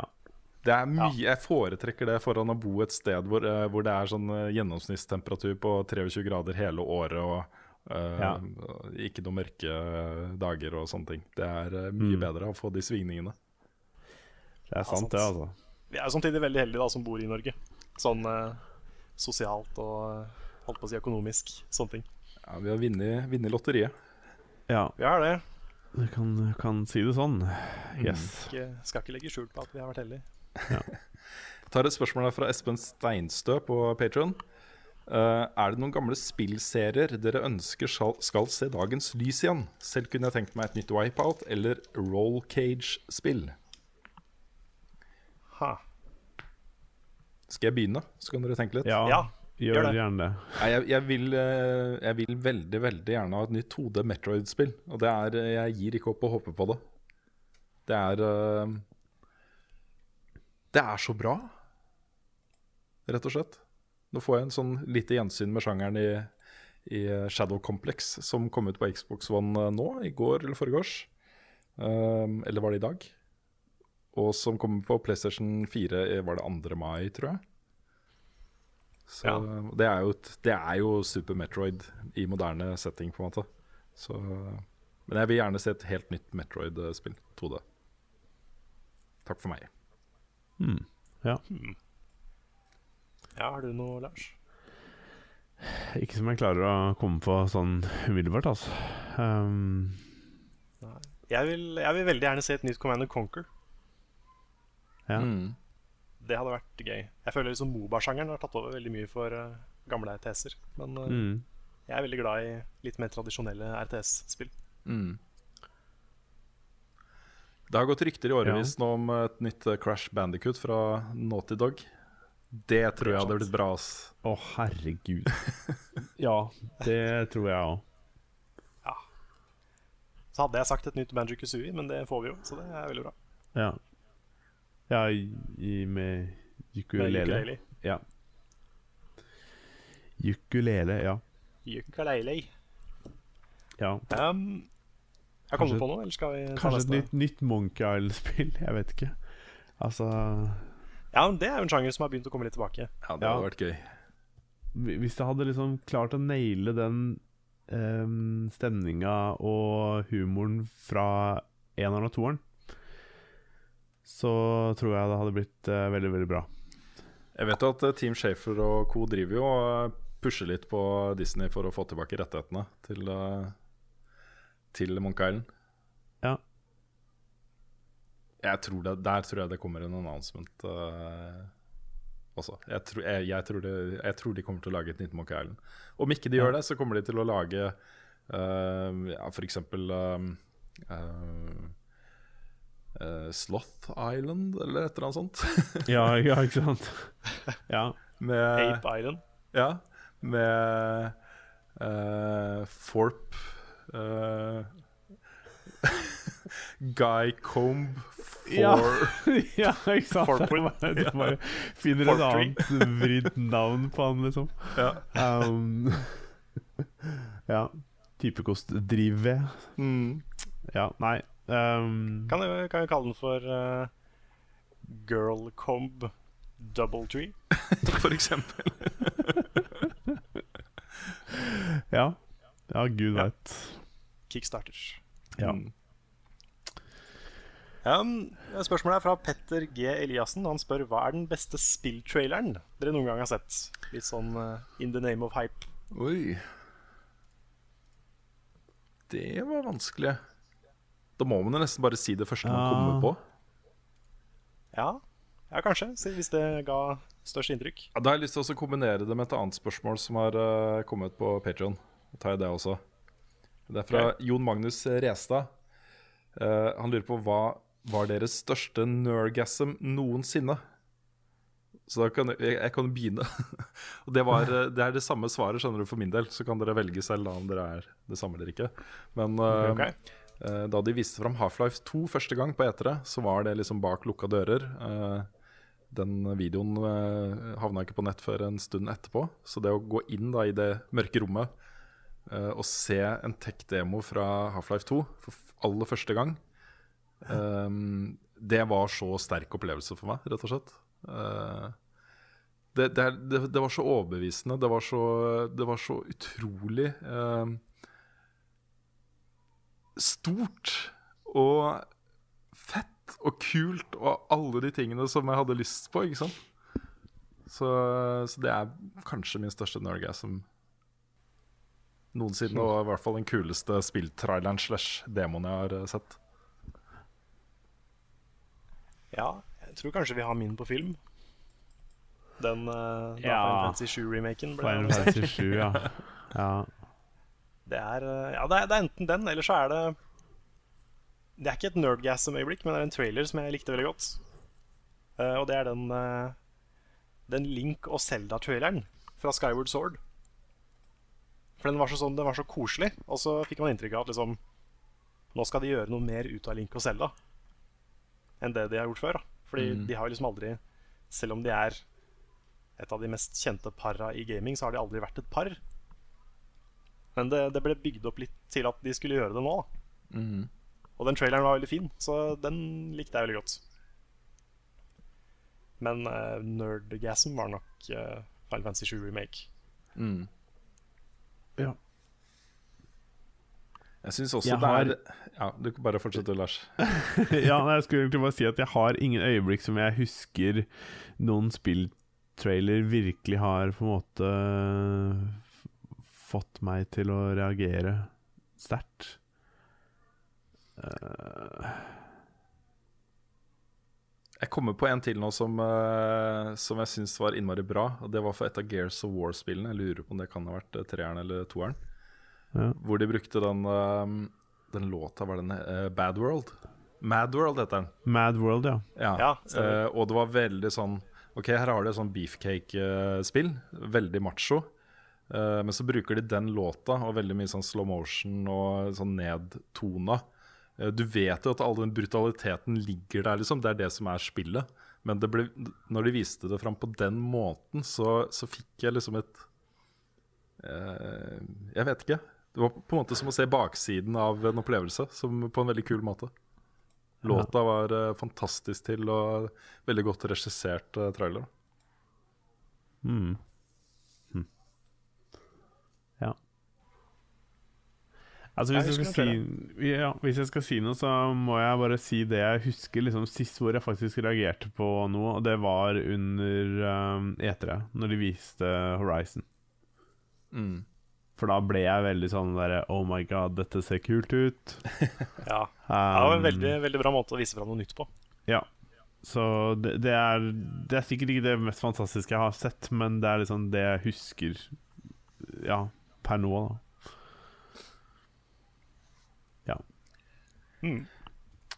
Spørsmålet er fra Ole Henrik Markussen på Patreon Blir det Sofa Streams igjen snart? Blir det en litt mer intim stemning, hvis det er lov å si? Og da, Det gjør det. Også målet vårt er jo å sitte sammen uh, og streame, for det er hyggeligere. Uh, Mm. Og vi kan jo gjenta en ting vi har nevnt noen ganger. Uh, målet vårt med disse streamene er jo også å lage et litt mer sånn liveshow. Ikke bare at vi setter oss ned og spiller et eller annet og snakker litt mens vi spiller. Men at vi er på en måte i et slags studio og kan vi veksle litt bilde mellom studiobilde og spill. Og kanskje gå inn og ut av selve streamen. um, så, så det er jo målet vårt med det kontoret som vi driver og bygger opp. Og grunnen til at jeg tok det spørsmålet nå, er at på lørdag så var jeg på Ikea og kjøpte sofa til oss. Uh, pluss litt annet, da, litt tepper og lamper og sånne ting. Så det, er, det begynner å nærme seg. Vi er ikke så veldig langt unna. Nei.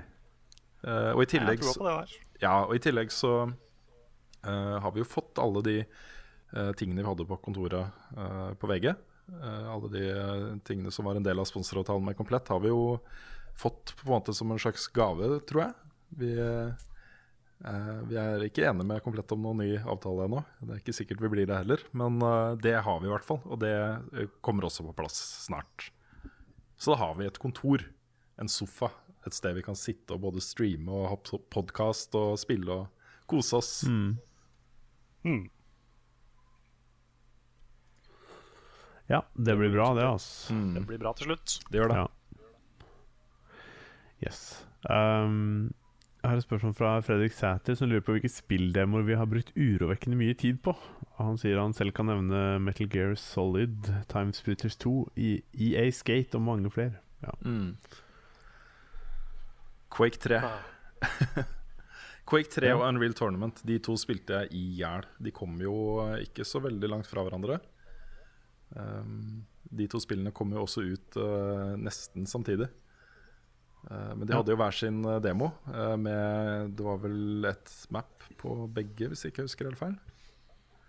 Eh, og jeg spilte oh, Jesus Christ, jeg spilte de mye. ja. Eneste jeg kommer på, er eh, for veldig lenge siden Worms 2. Jeg ja. fikk tak i den demoen på en eller annen måte, og den spilte jeg dritmye. Kult. Og da jeg endelig fikk spillet, så var det som julaften. Det var sånn her, Ja. Å, det er så mye ting! Ja. For det var ett map. Ja, ikke sant. Altså Personlig så er det eneste demoene jeg har brukt mye tid på, er sånne multiplayer-demoer. Hvor det er spill jeg virkelig har eh, liksom sett fram til. Så det er ingen spesifikke jeg har brukt urovekkende mye tid på. Men når det kommer til Metal Gear Solid, så er vel det et spill du Der kan du jo bruke veldig mye tid, fordi det er Selv om Er det en demo, egentlig, det, da? Det han nevner der? Ja, snakker om Ground Zeroes, eh, tenker jeg. Ja, ja for det er jo ikke Det er jo et slags minispill, det er vel ikke en demo? Nei, altså det, det, det ble jo presentert som uh, først og fremst en tech-demo for det som skulle komme. Eh, en Ja. introduksjon av eh, det nye styresettet og sånne Mm. ting. Kontrollsystemet osv. Uh, men den, den er jo ikke en også Det er en eh, uavhengig historie. En, det er på en Ja. måte en prolog da til, ja. til Metal Gear Solid 5. Mm. Så, men jo det, Jeg vil si at det så vidt er innafor, altså. Ja. Du kan i hvert fall bruke sykt lang tid der hvis du vil. Mm, For det er mye å oppdage og oppleve. det er det. Ja. Yes. Har et eh, spørsmål her eh, på Patreon fra Ladeluff. Mm. Eh, hvilke forventninger har dere til finalen med Uncharted? Blir det en verdig utgang for en IP på topp? Og IP står da for Intellectual Property, og er et ord jeg bruker mye selv, men som jeg er et av de ordene som jeg ikke liker at jeg bruker. Bare så det er nevnt. Ok, hva mener, er- hva mener du da, egentlig? Det er et åndsverk. Men også en IP er på en måte Intellectual property er jo Man kan jo like så godt si liksom spillserie eller uh, Ja, Du tenker at det er litt for business? Eller? Ja, det er et ord som kom fra uh, publisher og PR-byråene til uh, publisherne som, for å beskrive spill. Da.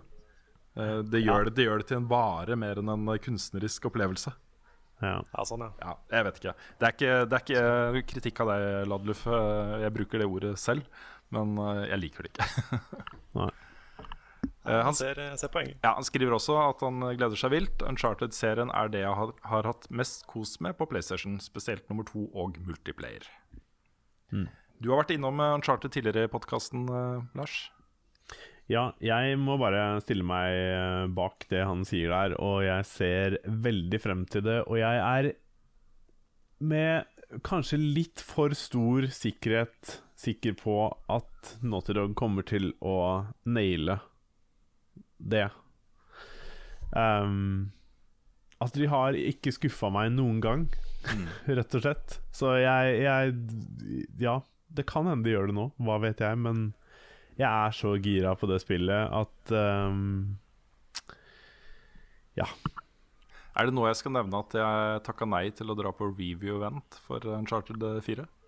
I Roma. I Roma. I Roma, faktisk. Eh, uh, ja, altså, hvor- du må gjerne Neil eh, Ditt- Druckmann ditt skulle være der. Uh, Oi. eh, han uh, skuespilleren eh, står det stille i hodet mitt. Din favoritt. Nolan North. Northern North. Northern, ja. Hele teamet, også alle nøkkelpersonene fra teamet skulle være der. Så masse intervjumuligheter. Eh, og, så fikk, fikk du med deg spillet fra eventet. ja, nei um, Hadde jeg blitt spurt, så hadde jeg, hadde jeg jo selvfølgelig takket nei. Um, Jesus Christ. Ja, nei, Det var så kort uh, frist, og så eh, måtte vi altså, Vi har jo fortsatt ikke 100 tatt stilling til om vi skal dra på betalte turer eller ikke.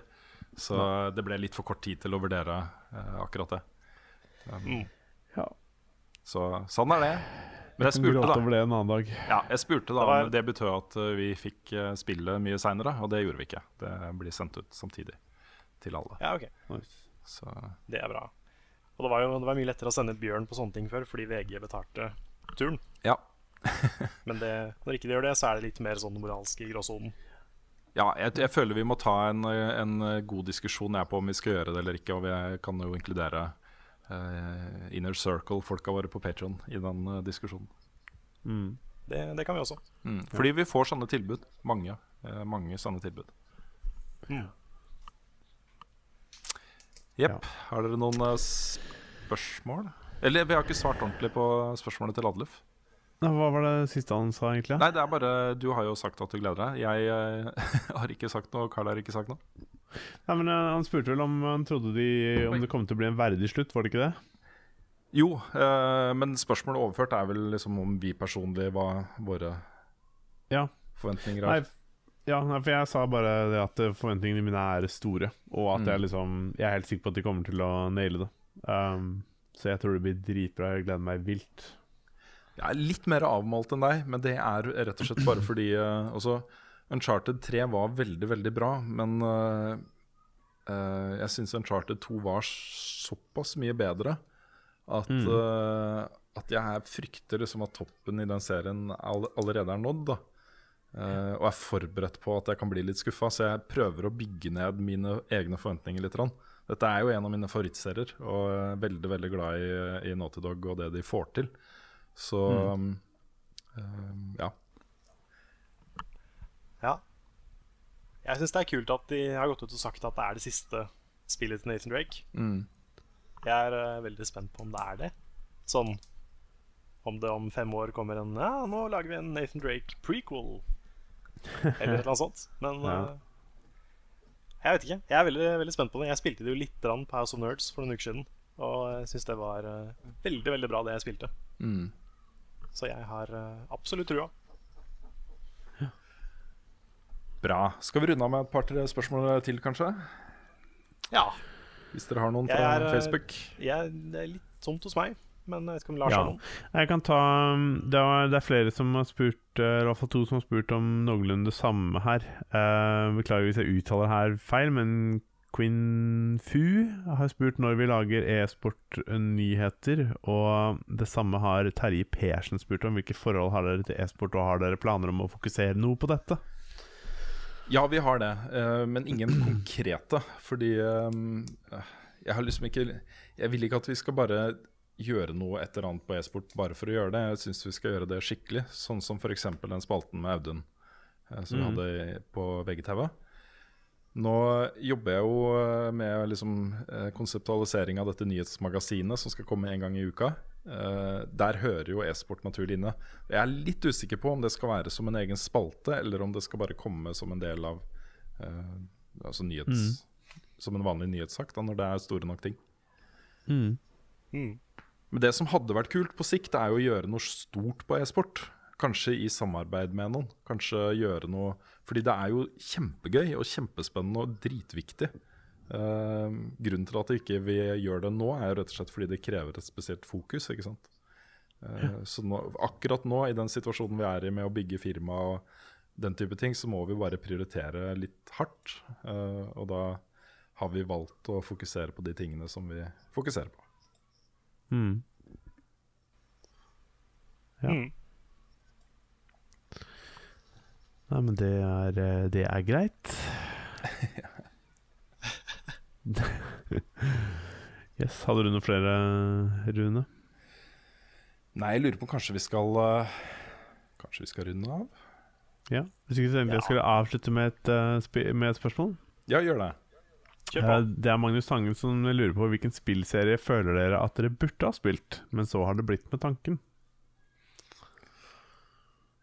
Ja, For meg er det nok uh, Dark Souls uh, slash Bloodborne-serien. Jeg vil også inkludere Demon, Souls, eh, Demon Soul der, fordi jeg har egentlig lyst Når jeg skal begynne på den serien, så har jeg lyst til å begynne der. Jeg har lyst til å begynne med det spillet. Mm. Ja. For det var liksom Da det kom ut, så var det liksom et sånn stort og mørkt og skummelt univers som virka litt sånn vanskelig å komme inn i. Litt sånn, det lå litt på siden av alt annet som kom rundt da. Eh, og jeg var så tiltrukket av det, så fikk jeg liksom aldri muligheten til å uh, sette meg ned og uh, dedikere meg til det. Så mm. da, sånn har det på en måte vært litt hver gang da det har kommet et nytt spill i den serien. Så har jeg følt det litt sånn. Men jeg vet jo innerst inne med meg selv at dette er spill for meg. Dette er, Ja. dette er runemat. Ja. ja, det er jeg overbevist om, jeg òg. Sikker på at du hadde elska de. ja. Ja, det er nok eh, Metal Gear for meg. Det har jeg snakka om i årevis at jeg må få spilt, og så har jeg bare aldri fått satt meg ned med det. Nei. Ja. Og for min del så er det Final Fantasy, men det kan se ut som det i hvert fall blir eh, ett Final Fantasy-spill nå, da. Så okay. ja, Final Fantasy 15 Ja, sånn, ja. som jeg har tenkt å spille. For det syns jeg ser eh, Nå appellerer det til meg med måten det gameplayet er på. Så Mm. Kanskje det blir en start til å spille mer. Hva vet jeg.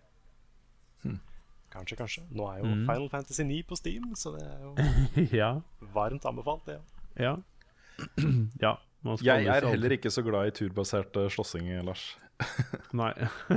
Nei. Nei, det um, Ja, man vet, man vet aldri. Det kan godt hende jeg blir gira nok til eh, på story-delen til at det kan fange meg, eh, liksom. Og hvis um, Jeg er helt sikker, sikker på at jeg har gått glipp av noe i Final Fantasy 9 og de tingene der. Jeg har hørt mange snakke varmt om de spilla. Så ja. Mm. Yes. Da er det vel kanskje på tide å runde av for, eh, for i dag. Det Ja. kan vi gjøre. Skal vi se, nå skal jeg sjekke. Ja, opptaket går fortsatt her. Det er ikke verst. Det er bra. Da satser vi på at ikke det har vært noen tekniske problemer i dag, og så publiserer vi da Yes. på fredag. Ja. Når du forhåpentligvis hører på den podkasten her. Ja, hvi- Hvis du hører på den podkasten her, så kan du gå ut ifra at vi har publisert den.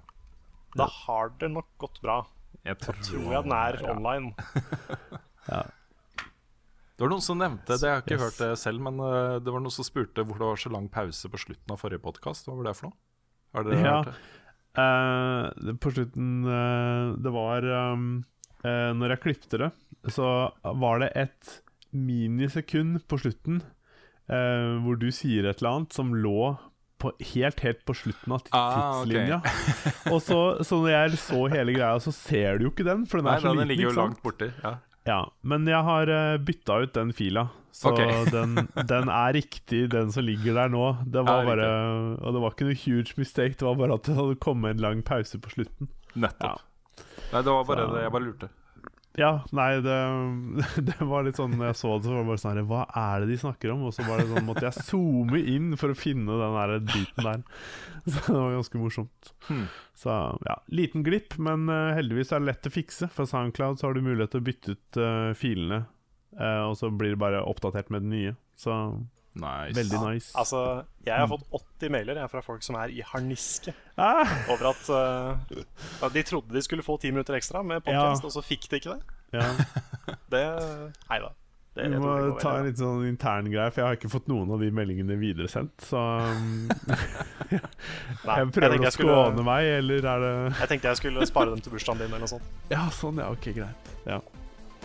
Nei da, men uh, yes. Yes. Nei, men da, da kan vi si takk og farvel for i dag. Veldig koselig at dere har hørt på. Veldig hyggelig som alltid å være her. Ja, takk til alle som eh, støtter oss på Patron. Dere vak vakre, flotte mennesker. Fantastiske mennesker som eh, redder livet og karrieren vår, holdt på å si. Ja, ikke livet, da, men karrieren vår. Ja, kanskje, kanskje, det var, kanskje det var litt dramatisk, ja, litt. Men, men i, hvert fall, i hvert fall karrierelivet.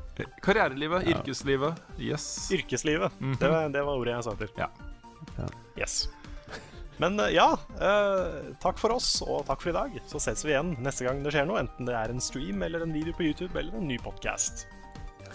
Ha det bra. Ha det bra. Ha det bra.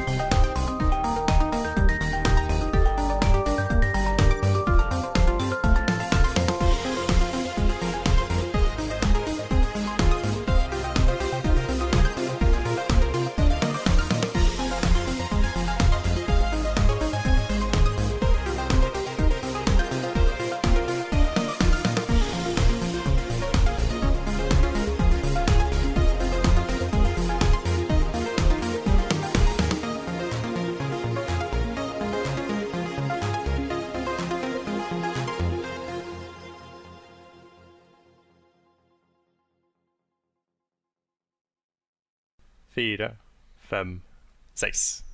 Ja. Eh, det var bare, det var bare opp for å starte opptak. Det var veldig morsomt. jeg det, var veldig. Ja, det, var, det var veldig gøy. For sikkerhets skyld. Um, ja, bare start og tell, du, Rune. Jeg skulle Ja, begynne. men- Det var Carl. Det var Men, Carl eh, som skulle begynne. Nei, nei, jeg vet ikke. Skal jeg begynne? Ok, Ja, nei, men, ja, er men vet du, Nå starter jeg opptaket på nytt, da, siden jeg starta tidlig. Ja, men du trenger jo ikke det. All right. Yes. Ja, skal jeg begynne, eller skal du begynne? Begynn, du. Samme for meg som begynner. Begynn, du. Så fortsetter Rune, og så tar jeg til slutt. Ok, ok. Én, to, tre, fire, Fire. fem. Var det ikke fem? Å ja. Rune. Fader også. Var det, jeg trodde det var tre. Du teller til fem, og så fortsetter du på seks. Ok. Greit, da begynner vi en gang til, da. Herregud, Dette er en ass. fin uh, Dette er bare stæsjer på slutten av podkasten.